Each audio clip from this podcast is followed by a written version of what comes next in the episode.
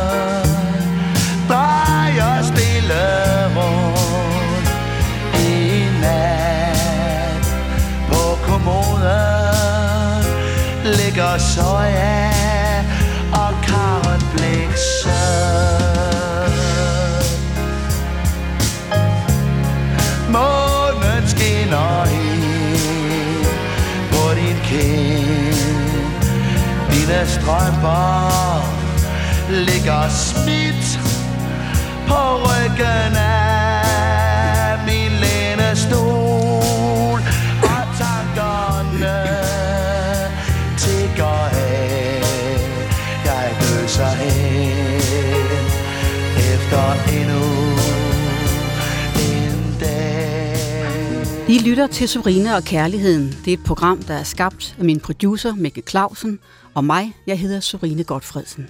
Vi sender i dag den sidste udgave af programmet, der lukker med udgangen af dette år. Så hvis I lytter søndag den 1. januar 2023, så er det altså for sidste gang Sorine og Kærligheden er i jeres stue. Den her sæson indledte jeg med et citat af Grundtvig, og det skal også optræde her i dag. Både fordi det indrammer det forsøg, på at ære den dybe kærlighed til livet, som jeg er på jagt efter hele tiden, og også fordi min gæst i dag holder meget af Grundtvig. Det er nemlig dig, Bertel Hårder. Velkommen. Tak. Nu skal du høre det her Grundtvig-citat. Jeg føler i mit indre en trang til liv stærk, som ja, var det muligt, selv stærkere end trangen til kærlighed. Kender du det citat?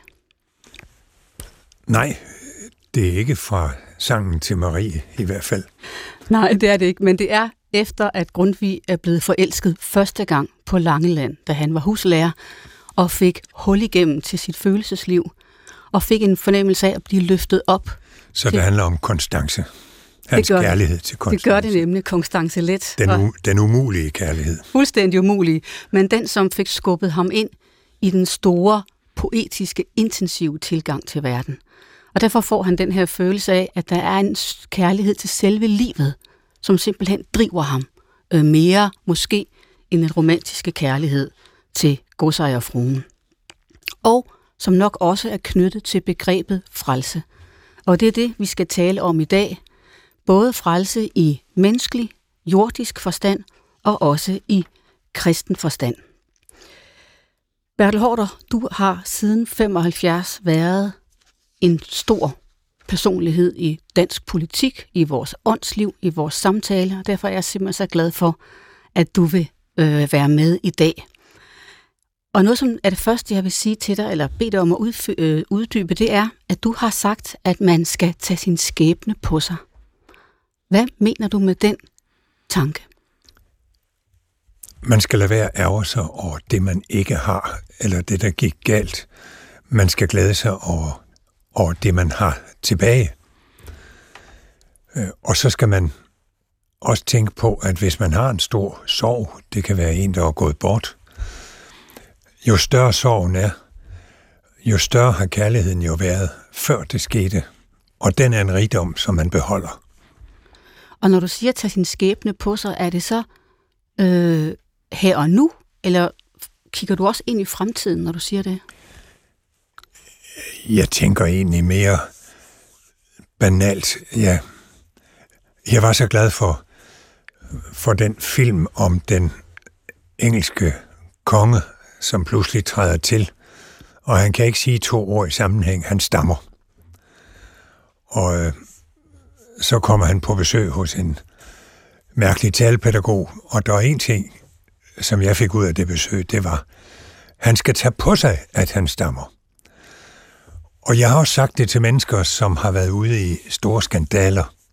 Og det er jo frygteligt i vore dage, fordi så bliver man jo brændt på bålet. Og hvad gør man, når man er blevet hængt ud? for et eller andet, ja, det var forkert, men så var det jo heller ikke værre.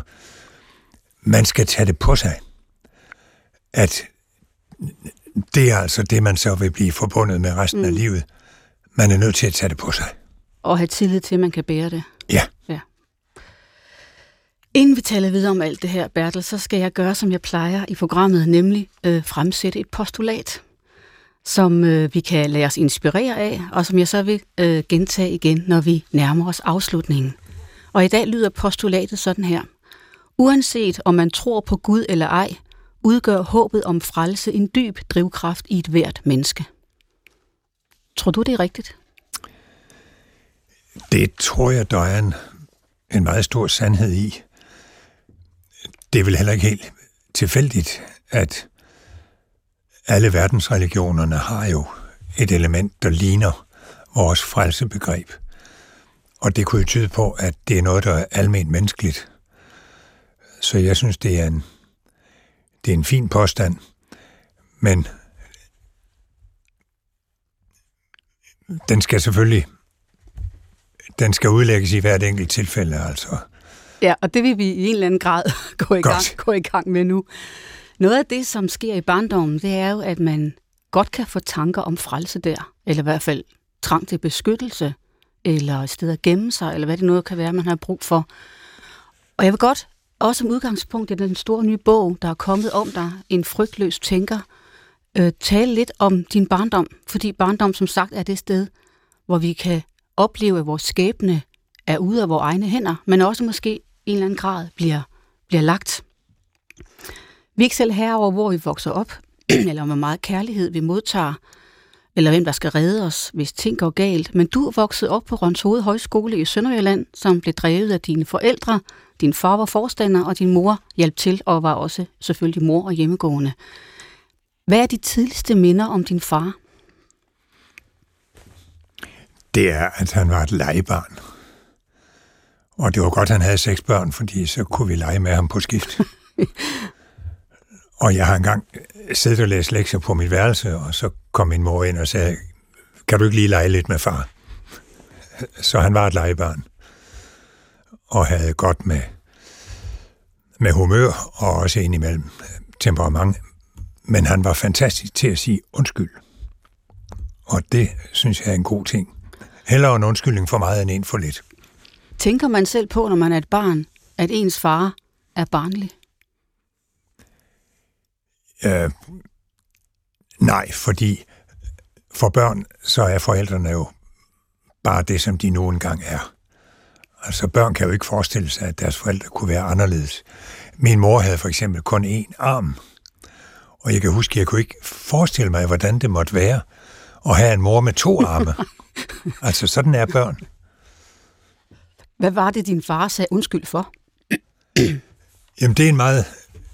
Jeg kan fortælle en meget sjov historie. Det var en elev, han var oppe og skændes med, og eleven kom med ind i, i privaten. Og min far ville have en undskyldning, men det ville eleven ikke give. Og så sagde min far, så giver jeg dig en undskyldning, for vi må have det ud af verden. Ja, det er effektivt. Jamen, det synes jeg er et rigtig godt princip. Og jeg har jo et fuldt det som, øh, som politiker også i, i alle de forskellige sammenhænge, jeg har været. For er der et eller andet, som man er kommet til at sige, som har stødt nogen, så gælder det om at sige undskyld. Især hvis man vil bevare sin, øh, sin frihed til at sige, hvad man vil, og hvad der falder en ind, så skal man huske at sige undskyld, hvis det ikke går så godt. Skal man også gøre det, hvis man ikke synes, man har grund til at sige undskyld? Ja, jeg synes, det vigtigste er, at, at der er en, der er blevet, blevet krænket. Lad os få det ud af verden. Mange børn har jo en tilgang til deres far, hvor han er en autoritet, og måske endda kan være sådan lidt, lidt øh, frygtindgydende. Var din far tillidsvækkende, eller var han også en, du havde stor respekt for? Jeg tror, han for mange var meget frygtindgydende. Fordi han kunne også skælde ud. Og det kunne jeg jo ikke lide, når han gjorde. Men så blev han god igen. Og det er det vigtigste. Så han kunne godt skille ud på en måde, som man godt blev urolig? Ja, det er absolut. Men øh, så, så var der jo min mor, så, som i enhver hans ene havde styr på ham. ja, og lad os lige gå lidt videre til hende, for også i den nye biografi om dig, der øhm, beskriver du din mor både som et meget kærligt menneske, men også som en kvinde, som kunne være lidt reserveret. Er det nogle, er det nogle sider af hendes personlighed, som, som du selv har i dag? Ja, hun var meget reserveret, og der var meget få, der syntes, de rigtig kendte hende. Men samtidig var hun meget afholdt. Der var en, der var en gårdskal, som, som passede skolens landbrug, øh, som sendte mig et brev mange år senere, hvor han beskrev sin store kærlighed og erbødighed øh, til min mor, som han havde umådelig respekt for. Øhm, øh, hun blottede sig jo aldrig, fordi hun var lidt reserveret. Det gjorde min far til gengæld altid. Og det var også derfor, han havde brug for at sige undskyld. Det havde hun ikke. Var hun en, var hun en, en nærværende mor, altså for en lille dreng? Ja, det var hun i hvert fald i mit tilfælde, men, men det er ikke sikkert, at alle seks børn havde det på samme måde. Hvad var dit særlige måske, sy- måske synes de, at jeg blev lidt forkælet. Gjorde du det? Det gjorde jeg vel også. Ja, fordi jeg var sådan en lille skravl, der var meget syg, og så stammede jeg jo, så jeg næsten ikke kunne, kunne sige noget. Så, så jeg havde vel brug for hendes beskyttertrang. Du skriver, eller du siger i bogen, at hun var den sikre havn i din barndom. Øh, og Grundtvig har jo sådan en forestilling om, at små børn har et forhold til deres forældre, som næsten er en parallel til menneskets forhold til Gud, altså den, man ser op til og gerne vil beskyttes af. Var det sådan, du havde det med din mor? Ja, og sådan tror jeg da, og det håber jeg da, at rigtig mange har det, øh, fordi øh, jeg kan huske en prinsedåb, hvor den kongelige konfessionarius Tudberg, jeg tror det var ham, hvor han i sin dåbs prædiken sagde, at de små børn, de har ikke noget alternativ til at tro. De er nødt til at tro. De læner sig tilbage i tryg forvisning om, at de bliver grebet. De ligger i favnen, og man kan jo tabe dem på gulvet, men de er trygge i forvisningen om, at det gør vi ikke. De er trygge i forvisningen om, at de har vores kærlighed. Det synes jeg er et meget smukt billede på tro også. Det er i høj grad et billede på tro. Det er faktisk det, både Luther og Grundtvig kredser om, at tro er den ubetingede tillid til, at man bliver grebet. Og det er den, man forhåbentlig har øh, i, i forhold til sine forældre. Ja, og derfor er det så hjerteskærende, når forældrene svigter. Ja. Når de svigter den tro. Talte du med din mor om det der med, at du øh, stammede og øh, altså var usikker på nogle ting? Nej, det, det tror jeg ikke, jeg gjorde. Altså, det... Jeg var jo en, en lille svagelig og mærkelig en. Det var jeg. Hvorfor var du mærkelig? Og, og det blev endnu værre af, at jeg blev hjemmeundervist. Og jeg havde ikke kammerater. Og derfor var det som at komme i paradis, øh, da jeg kom i skole i den nærliggende kommuneskole, Gråsten skole. Øh, jeg var 12,5, da jeg kom i skole. Og det kommer vi med lige tilbage til, for du øh, besluttede... Men jeg havde også gået i en lille landsbyskole. Ja, men du besluttede faktisk selv på et tidspunkt, at du ønskede ja, at komme i skole igen. Jamen, jeg blev mobbet i den første skole, og, og jeg er jo meget frit opdraget, så hvis jeg ikke ville gå i skole, jamen, så kunne jeg lade være at gå i skole. Og da jeg så, altså fire år senere, besluttede, nu vælger jeg i skole, jamen, så kom jeg i skole. Lige nøjagtigt den scene, hvor du beslutter det, den er også beskrevet.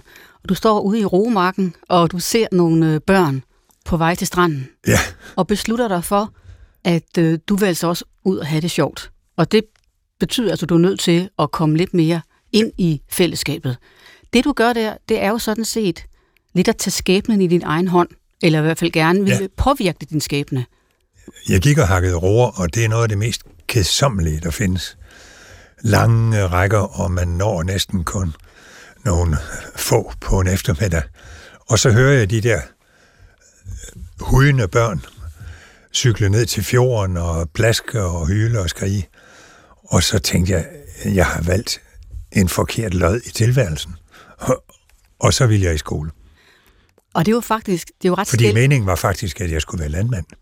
Ja, og det er jo ret skældsættende at sige det til sig selv. Jeg tror, du er 13 år på det her tidspunkt. Ja. Jeg er i færd med at vælge forkert. Var det sådan helt konkret, du tænkte det? Jeg blev bare misundelig på de der børn, som, som ikke skulle gå og have groer, og som i stedet for skulle ned og plaske i vandet. Jeg ved ikke noget bedre end at, end at svømme og plaske i vandet, og jeg havde kajak og sejlbåd. Og så, så jeg synes bare, at det var for kedeligt. Jeg havde valgt det forkerte. Øhm, noget af det, der kommer frem i, i den her bog, som jeg refererer til, det er jo, at din mor dør meget tidligt. Hun er kun 63 år gammel, og du er 26. Og hun dør under en svømmetur. Og det antydes i bogen også af dig selv, at øh, hun muligvis har taget sit eget liv. Øhm, hvad, fik dig, hvad, hvad får dig til at tænke, at det kan være en mulighed? Øhm, det ved vi jo intet om. Øh, hun svømmede meget. Hun elskede at svømme, selvom hun kun havde en arm. Og så var der altså en dag, hvor det gik galt. Og om det var noget, hun ønskede, fordi hun led frygteligt af migræne. Øh, hun havde jo ikke som mig noget ordentlig medicin. Øh, så hun tog noget skrækkelig medicin, der, der hed gynogen, øh, som jo dels ikke hjalp særlig meget, og som virkelig svækkede hendes helbred. Øh, Så det var et hårdt liv med migræne for hende. Og øh, så er det jo, man som, som barn godt kan tænke på, jamen, kan det være, at hun har været så rationel, så kølig, at hun har tænkt, nu, nu gør det ikke så meget. Altså, jeg er sikker på, at hun ikke har besluttet det, men hun har måske tænkt, det gør ikke så meget, hvis det går galt. Er det rigtigt, at det ikke gør så meget, når du var 26 på det her tidspunkt? Det er også tidligere at miste sin mor. Ja, det var da et chok for os alle sammen. Det var det. Men jeg vil bestemt ikke skrive under på, at hun begik selvmord, men, men om hun løb en risiko, øh, fordi hun ikke øh, var bekymret for sit liv, det skal jeg ikke kunne sige. Var hun sådan et, et, et rationelt, handlekraftigt menneske, der kunne gøre det? Jeg tror i virkeligheden, hun havde en meget stor øh, indre styrke. Og når man tænker tilbage, så får man jo mange mærkelige forestillinger. Jeg synes, at lige før hun døde, da jeg skulle afsted, øh, enten var det til universitetet eller til Asgaard Højskole, så synes jeg, hun sagde farvel på en lidt særlig måde. Og det er måske også det, der har fået mig til at tænke, at hun måske mm. tænkte på, at nu varede det måske ikke så længe. Hvordan, hvordan var det Men særligt? det er jo sikkert ren indbildning. Kan du huske, hvad hun sagde? Nej, hun sagde ingenting. Der var bare noget, der var lidt anderledes. Da min mor døde for i 2009, og hun var en, en dame på næsten 80 år, den sidste telefonsamtale, jeg havde med hende, der sagde hun på en helt anderledes måde, end hun plejer, kan du nu blive ved med at have det godt? Og det tænker jeg på bagefter. Det lød, og så døde hun kort tid efter. Det lød, som om hun godt vidste, at hun skulle til at runde noget af. Ja, Og det tror jeg, nogle mennesker ved. men det er jo... Min mor fortalte så sødt om vores dejlige hund, Ingo, at øh, den kom for at sige farvel til hende. Og så gik den og kom aldrig igen. Og så lå den død nede på stranden. Altså når dyr på den måde kan sige farvel, fordi de aner, at der er noget, der er på vej, så kan mennesker vel også. Ja, det tror jeg. Jeg tror, man i nogle tilfælde kan mærke, at det er den vej, det går nu. Og det er også på en eller anden måde, at sådan det skal være. Bertel, du har selv sagt, at du var en lidt mærkelig dreng og en enspænder. Øhm, folk, der er, tilbringer meget tid alene, kan jo også nogle gange ønske at tilbringe tid alene. Havde du det sådan som dreng, at du godt kunne lide dit eget selskab? Jeg savnede kammerater og blev lyksalig, da jeg fik kammerater langt om længe. Men jeg havde jo på mange måder en dejlig barndom. Jeg måtte gøre lige, hvad jeg ville. Jeg havde, jeg havde hunde og, og kaniner og, og øhm, jamen altså, jeg lavede jo lige det, jeg havde lyst til, at bygge huler ved stranden og øh, købte en kajak til 40 kroner, og senere en optimistjolle og en flipperjolle til sidst. altså, jeg kunne jo gøre alt, hvad jeg ville, og jeg blev utrolig frit opdraget. Altså, det var, det var fuldstændig sommerhild-skole. Øh, den der hjemmeundervisning, den bestod jo i, at jeg for det første selv måtte bestemme, om jeg ville, øh, om jeg ville lære noget, eller om jeg hellere ville ud i det gode vejr. Og hvis jeg så skulle lære noget, ja, så fik jeg en bog, som jeg kunne læse, og så kunne jeg skrive en stil om den. Og det var det eneste fag, jeg havde. Så da jeg mødte op der i folkeskolen som 12-13-årig, der kunne jeg jo hverken det ene eller det andet. Der manglede noget geografi. Øh, matematik og geografi og så videre. Og det gjorde ikke det allermindste, og det har altså overbevist mig om, at, at øh, dansk, det er alle fags moder.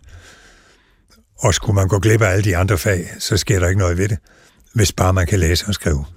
Og især det der med at læse, det blev jeg jo næsten besat af som undervisningsminister, fordi det viste sig, at danske børn kunne ikke læse. Ja, men jeg tror langt hen ad vejen, du har ret. Og det er jo også en fortrolighed med sproget, som Grundtvig også ville øh, skrive under på. Ja. Det her med at være så frit opdraget, det hele taget at være så fri, det kan jo også have den bagside, at man bliver øh, lidt bange for at falde, eller rødvild, eller mangler en autoritet, der hjælper en på vej. Havde du den følelse også? Jeg havde, det ved jeg ikke, men jeg havde en anden følelse, som kom af, at min far var vokset op på landet øh, i Vestjylland, og han havde den principielle indstilling, at, at man skulle altid foretage sig noget nyttigt.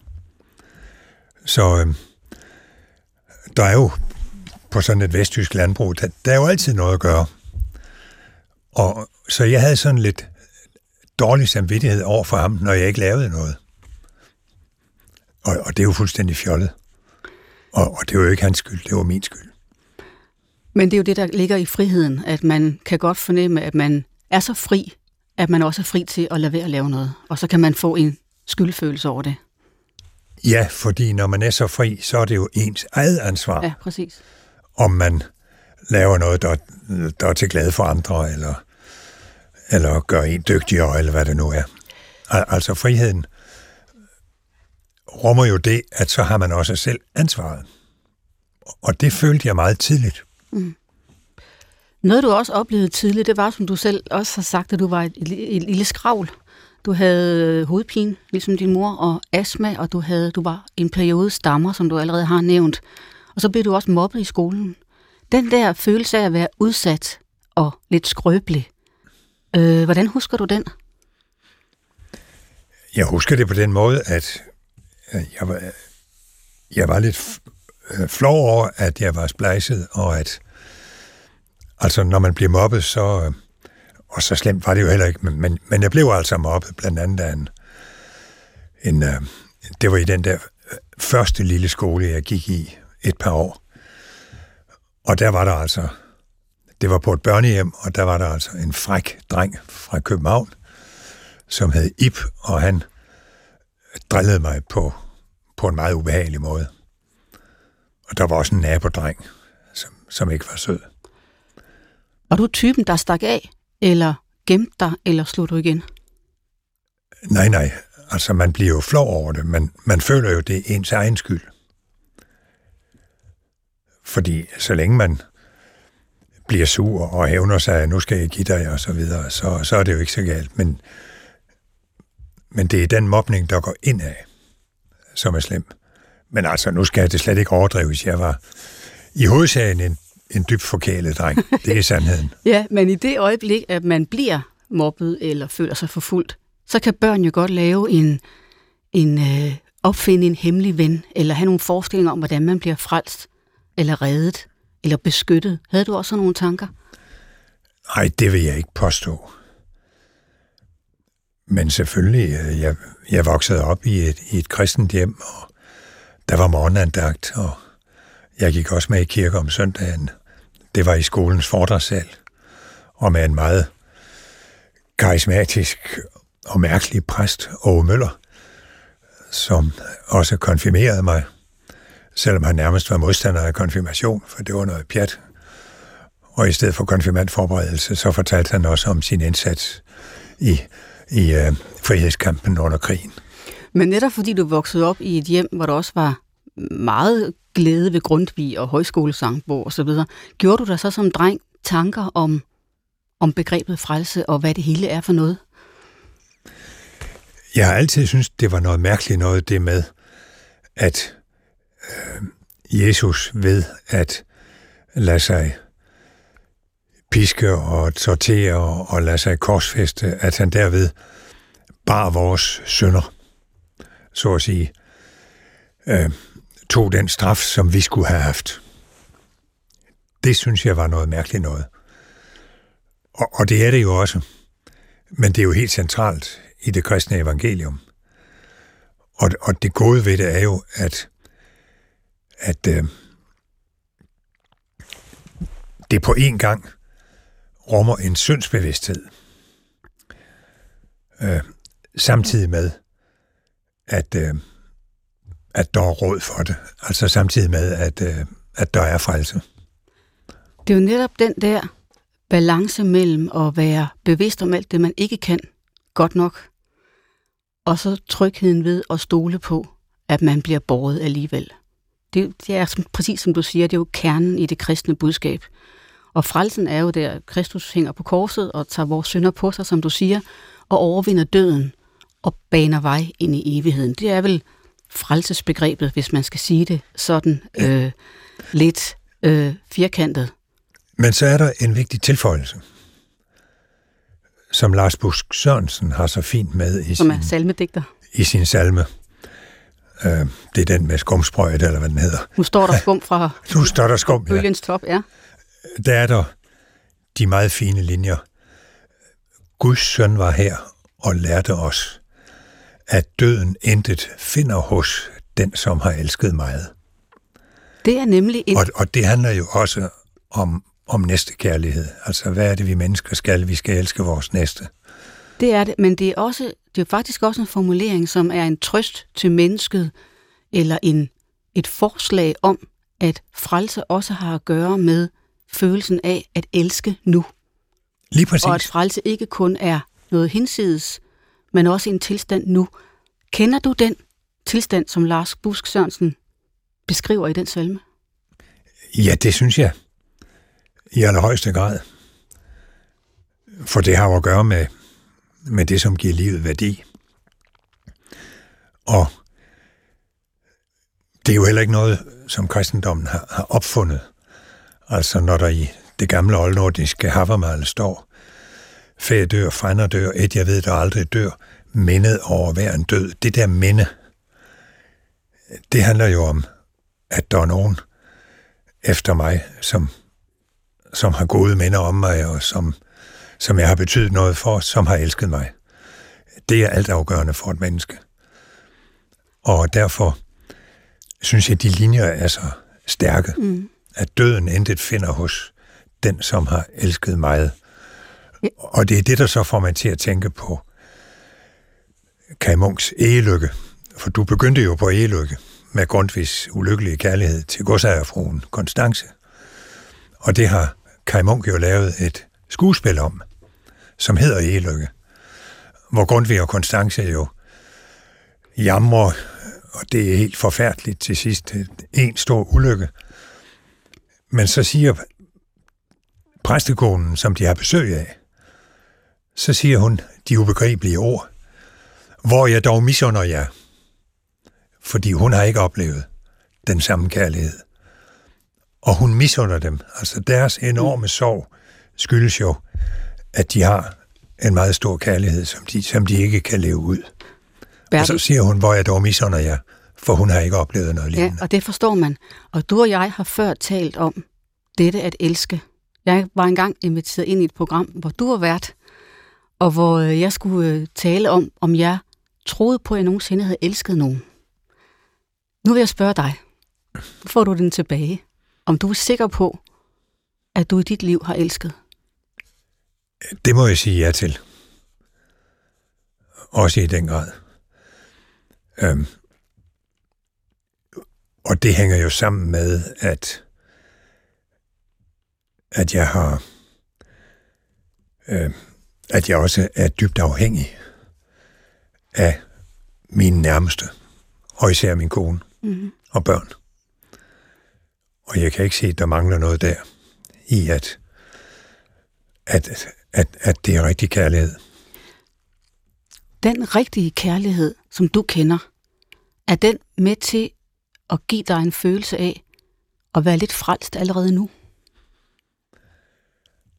Nej, det vil jeg nu ikke. Du tænker ikke i religiøs forstand, men som, som menneske nu. Beskyttet, tryg, usårlig. Ja, måske, fordi det du også vil kunne læse i den bog, der lige er udgivet, som du nævnte, det er, at jeg på en eller anden måde ikke rigtig ejer frygt. Mm. Og det er i øvrigt lige fra lille af, hvor øh,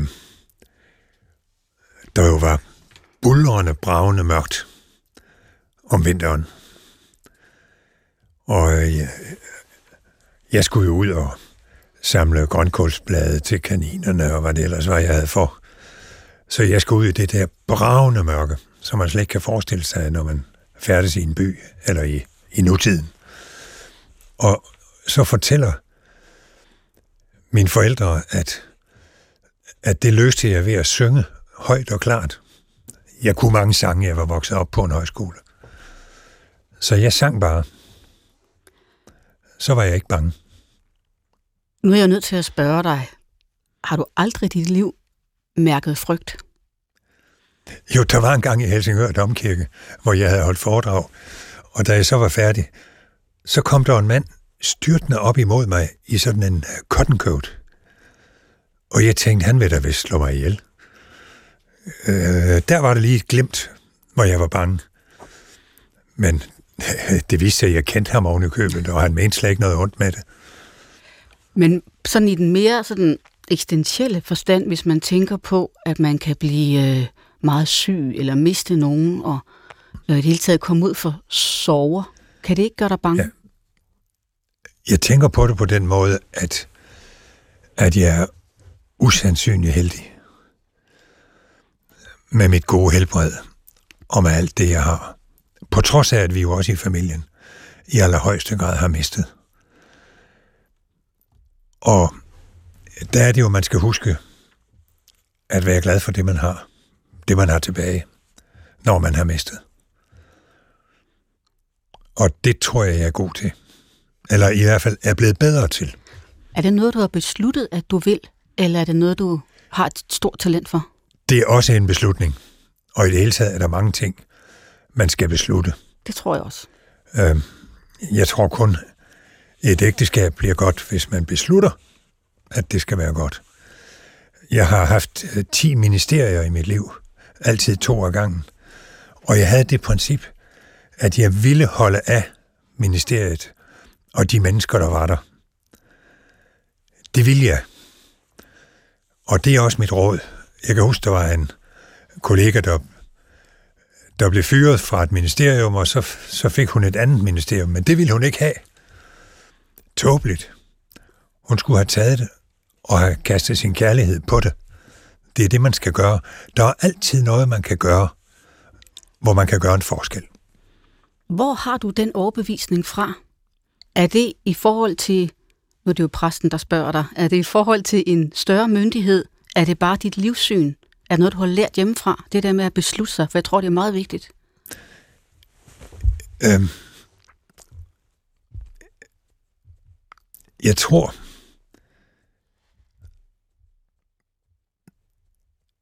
jeg tror, det er noget, jeg har med hjemmefra. Men, men jeg har også tit, at der, der er sådan nogle smukke historier fra, fra kongehuset, hvor dels dronning Ingrid jo helt oplagt var en, der havde besluttet sig for, at hun elskede kong Frederik. Og det kom der noget godt ud af, selvom der sikkert havde været alt muligt, der ikke var, som det skulle være med ham.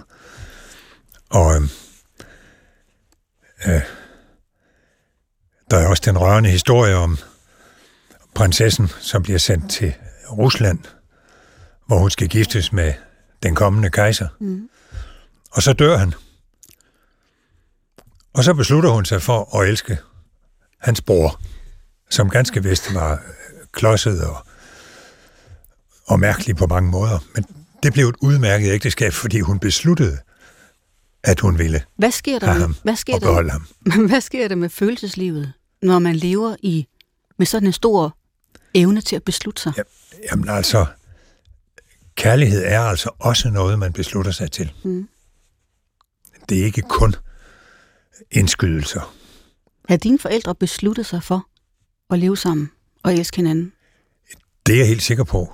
De, de mødtes på volden stor bededags aften. En københavnsk præstedatter og en vestjysk øh, bondestudent. Det var et meget umage par. Mm. Men der er ingen tvivl om, at de begge to besluttede, at sådan skulle det være. Bertel, nu har vi talt om, øh, øh, ja egentlig hovedsageligt det jordiske, og nu spørger jeg dig lige et meget stort spørgsmål. Forbinder du også frelse med begrebet evighed? Ja, men det er jo evighed i den forstand, at evigheden er ikke bare noget hinsides, noget der kommer en gang.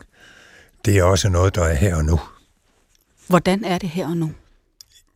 Jamen, det vil jeg spørge dig om. Det er dig, der er præsten. Ja, men, Men- jeg ved godt, hvad jeg vil sige, men jeg vil først høre, om du kan beskrive for mig, hvordan du mærker evighed på jorden. Jeg synes, man mærker evigheden i nogle øjeblikke, som, øh, som betyder noget for en, og hvor man øh, synes, man er en del af noget større i, i den forstand, at man ikke bare er et menneske, der spiser og drikker, men altså er en del af en sammenhæng. Og, og det er vel den evighed, vi har, det er vel blandt andet den sammenhæng, vi lever i. Hvor ofte har du sådan nogle øjeblikke? Øh, Det har jeg faktisk oftere og oftere. Fordi man har jo lov at blive klogere, og så også blive mindre restløs. Fordi jeg har jo, ligesom mange andre, været forfærdelig restløs. Haft gang i alt for meget, og det har jeg måske stadigvæk. Men jeg er der imod væk blevet lidt klogere, og har fået lidt mere sans for, for det, der virkelig betyder noget, og herunder øh, disse evigheder. Øh, Christian Winter har et digt, øh, hvor øh, rosen, øh, det er det der en sommernat. Dog er vort korte liv, har kærlighedens bliv jo skabt en særlig sum af evigheder. Det er Christian Winter. Og det er smukt, og jeg, jeg elsker, at du har alle de her ting, øh, du bare kan hale frem. Jeg tror, du har fuldstændig ret i, at vi mærker evigheden i de der glemt, hvor det er som om evigheden rammer det jordiske. Ja. Himlen rammer det timlige, og man kan ikke andet end at stå og føle sig særligt til mode nærmest. Og nu er jeg virkelig nysgerrig efter at vide, fordi jeg bliver også ældre, om der kommer flere af dem, som årene går. Det tror jeg absolut, der gør.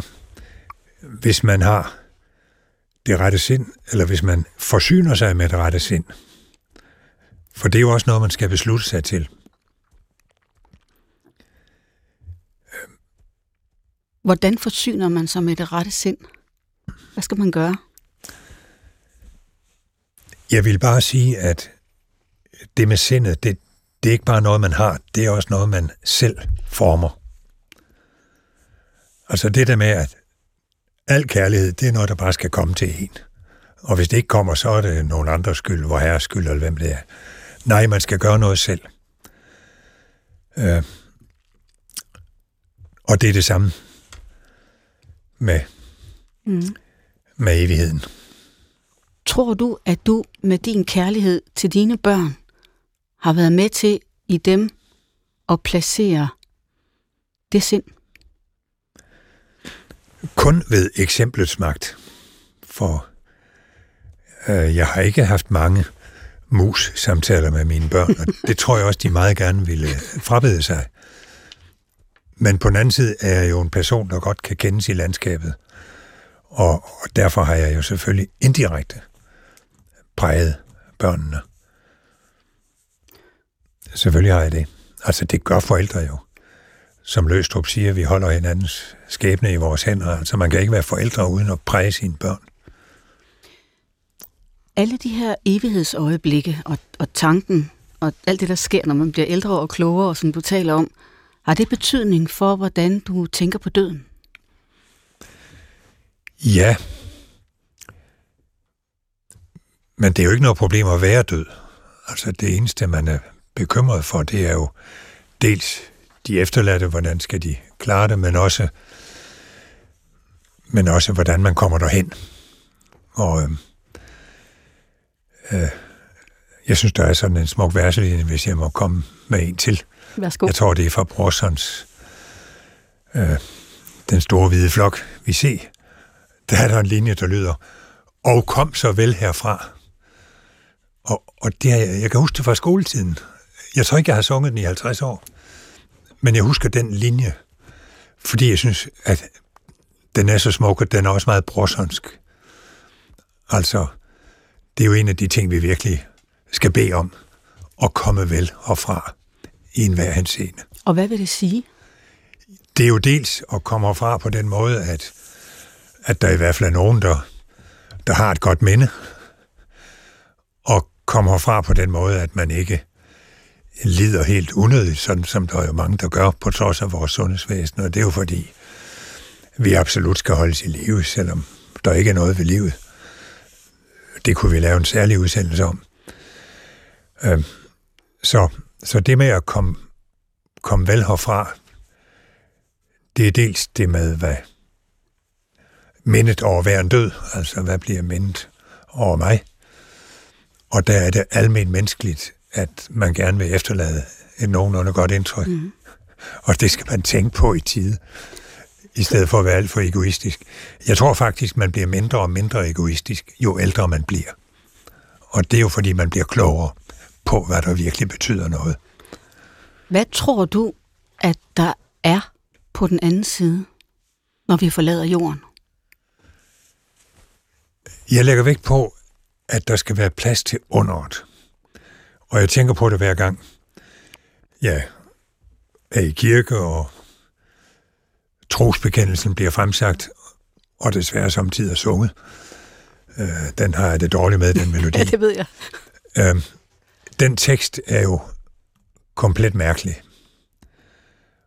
Og øh, så er det bare, at jeg skubber til mig selv og siger, husk nu at have plads til underet i dit sind.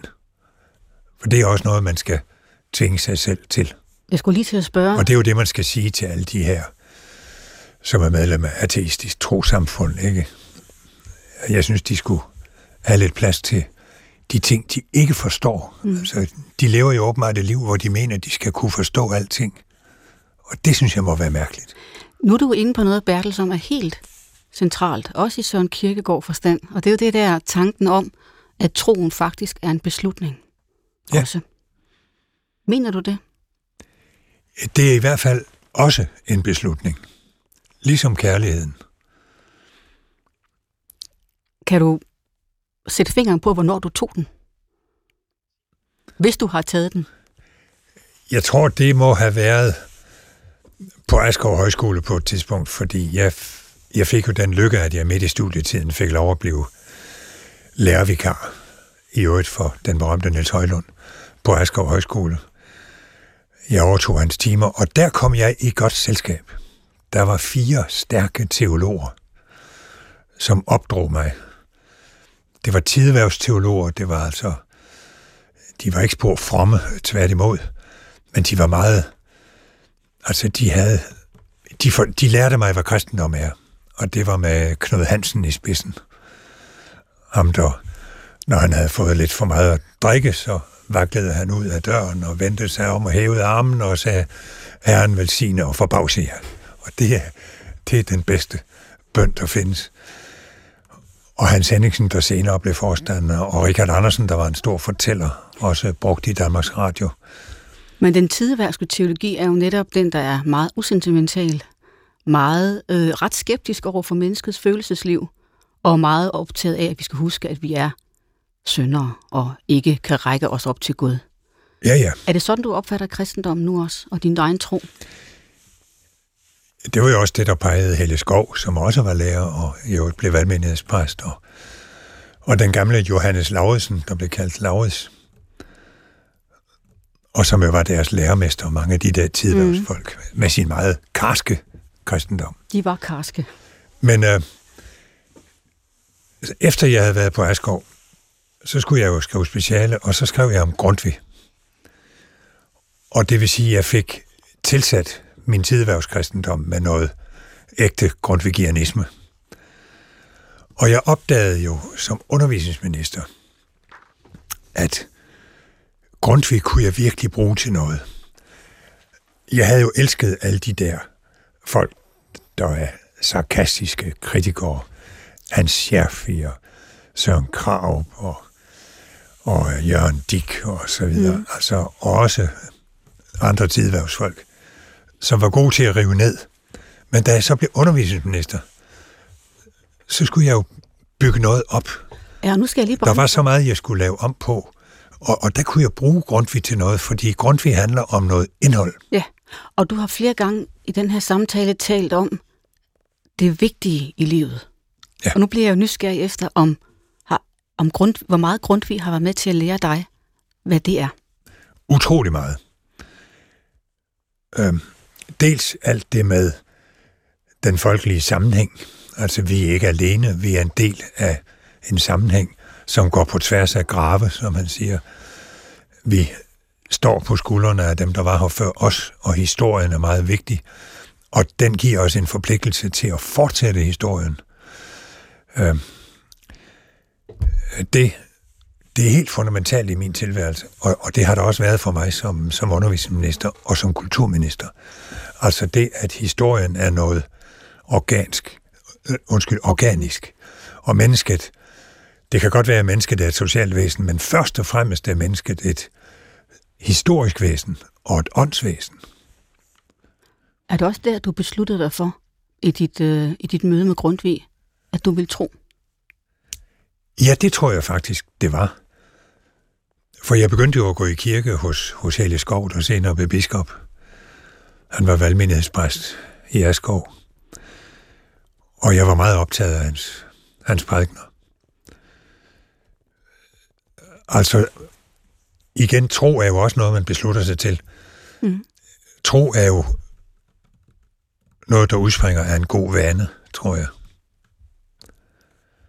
Og den vane har noget at gøre med, ja, det kan være noget med at, at gå i kirke, fordi så hører man der om kristendommen den ene time om ugen, eller hver, 15, eller hver 14. dag. Men det har også noget at gøre med måden, man, man øh, ser på tilværelsen på. Altså, jeg har, det har også noget med forpligtelse at gøre. Jeg var så optaget af skuespillet En kvinde er overflødig. Jeg tror, det er Knud Sønderby. Fordi der bliver virkelig beskrevet, hvad helvede er. Det er at være overflødig. Mm. At der ikke er nogen, der har brug for en. Og det tror jeg, der er rigtig mange, som ubevidst tænker på, fordi tænk på den helt enestående frivillige indsats, som masser af mennesker yder i det her samfund. Og det kan være i Røde Kors, det kan være besøgsvenner, det kan være i idrætten, altså at stå op lørdag morgen for at træne lilleputter. Det må mm. godt nok være en hård skæbne, men, men hvorfor gør de det? De gør det, fordi øh, der er nogen, der har brug for dem, ja. og det giver deres liv rigdom. Og, og lykke er ikke at kunne blive derhjemme på sofaen. Lykke er, at der er nogen, der har brug for en. Og det tror jeg, der er rigtig mange, som er bevidste om. Og hvis der var endnu flere, der var bevidste om det, så havde vi ikke alt den snak om mistrivsel. Altså, det er jo blevet sådan en, en genskærning, at de unge mistrives, og nu skal der være gratis psykologhjælp og så videre. Altså, for det første tror jeg, at en præst ville være bedre, og for det andet, så tror jeg altså ofte, det handler om, at man ikke ser sig selv som en del af noget større. Mm. At man ikke ser sig selv som en, som kunne gøre noget for andre. Jeg tror, du har ret i rigtig meget af det der. Og nu er vi fremme ved postulatet, som jeg lige vil gentage igen. Uanset om man tror på Gud eller ej, udgør håbet om frelse en dyb drivkraft i et hvert menneske. Tror du stadig, at der er noget sandt i det? Ja, der er noget sandt i det. Når jeg ikke siger, at det er 100% sandt, så er det fordi, der ligger jo også i det med frelse, eller det kan misforstås derhen, at, at man så er bedre end andre. Og ja. sådan har det jo også været opfattet det er fordi, igennem historien. Ordet, det er jo også det tideværvsfolkene gjorde op med. Det er, ja. det er forestilling om, at man kan gå rundt og føle sig særlig frelst. Ja, og, og gerningskristendommen. Ja, og nogle af de kristne ord har jo fået sådan en uheldig bagage. For frelse er jo, i hvert fald som jeg ser det, og som du selv beskrev i begyndelsen af den her samtale, tilliden til, at jeg bliver båret, ja. også når jeg forlader jorden en gang. Ja, det er meget præcist. Altså som barnet, der ikke kan andet end tro, ja. og derved frelses. Bertel Hårder, jeg ved, at du øhm, gennem dit liv har været glad for at synge, og glad for at skrive sange. Og øh, sange og salmer betyder også meget for mig, det gør det for rigtig mange mennesker. Og i alle de her programmer, der har vi jo spillet nogle numre af gasolin, som har en stor plads i mit hjerte. Og i den her sæson har vi øh, hørt det nummer, der hedder Kloden drejer stille rundt, og de sidste sætninger i den sang, de handler om at være den, der nu opdager, at det står for tur, og man må følge med. Og når det er mig, der står for tur, og jeg følger med, stikker af fra endnu en dag. Og den formulering kan også godt tolkes som dette, at være et menneske, der ser så langt ind i fremtiden og over på den anden side af sin egen tilværelse, og prøver at nære tillid til, at man bliver taget med herfra. Er det en følelse, der bliver stærkere i dig? Det vil jeg sige ja til. Og i øvrigt øh, tror jeg, at uh, Kim Larsen, det siger han også selv, var stærkt præget af sit ophold på Asgaard Højskole. Det var han. Og mange af de tekster, han har sunget og skrevet, har et religiøst ja. skær over sig. Ja. Bertel Hårder, jeg vil bede dig om, som afslutning på programmet, at læse teksten højt fra Gasolins Kloden drejer stille rundt. Kloden drejer stille rundt i nat. På kommoden ligger Søja og Karen Bliksen. Månen skinner ind på din kind, din strømper ligger smidt på ryggen af min lænestol, og tankerne tigger af. Jeg døser hen efter endnu en dag. Gaden spiller sin musik for mig, som en summen i det fjerne fra en stjerne. Skyggerne for liv sejler bort på en sky af cellofan, der gav mig nykker hele dagen. Nu ligger jeg og gemmer mig kugler af efter endnu en dag. Kloden drejer stille rundt i nat. På kommoden ligger Søja og Karen Bliksen. Drømme lister frem og står på lur. Og de nikker og visker, kom, når det er mig, der står for tur. Og jeg følger med, stikker af fra endnu en dag. Der står for tur, og jeg følger med, stikker af fra endnu en dag.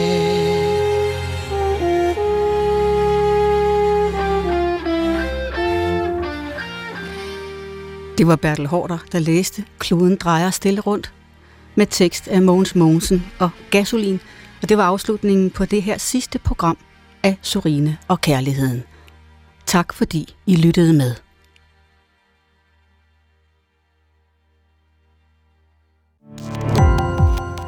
Gå på opdagelse i alle DR's podcast og radioprogrammer. I appen DR Lyd.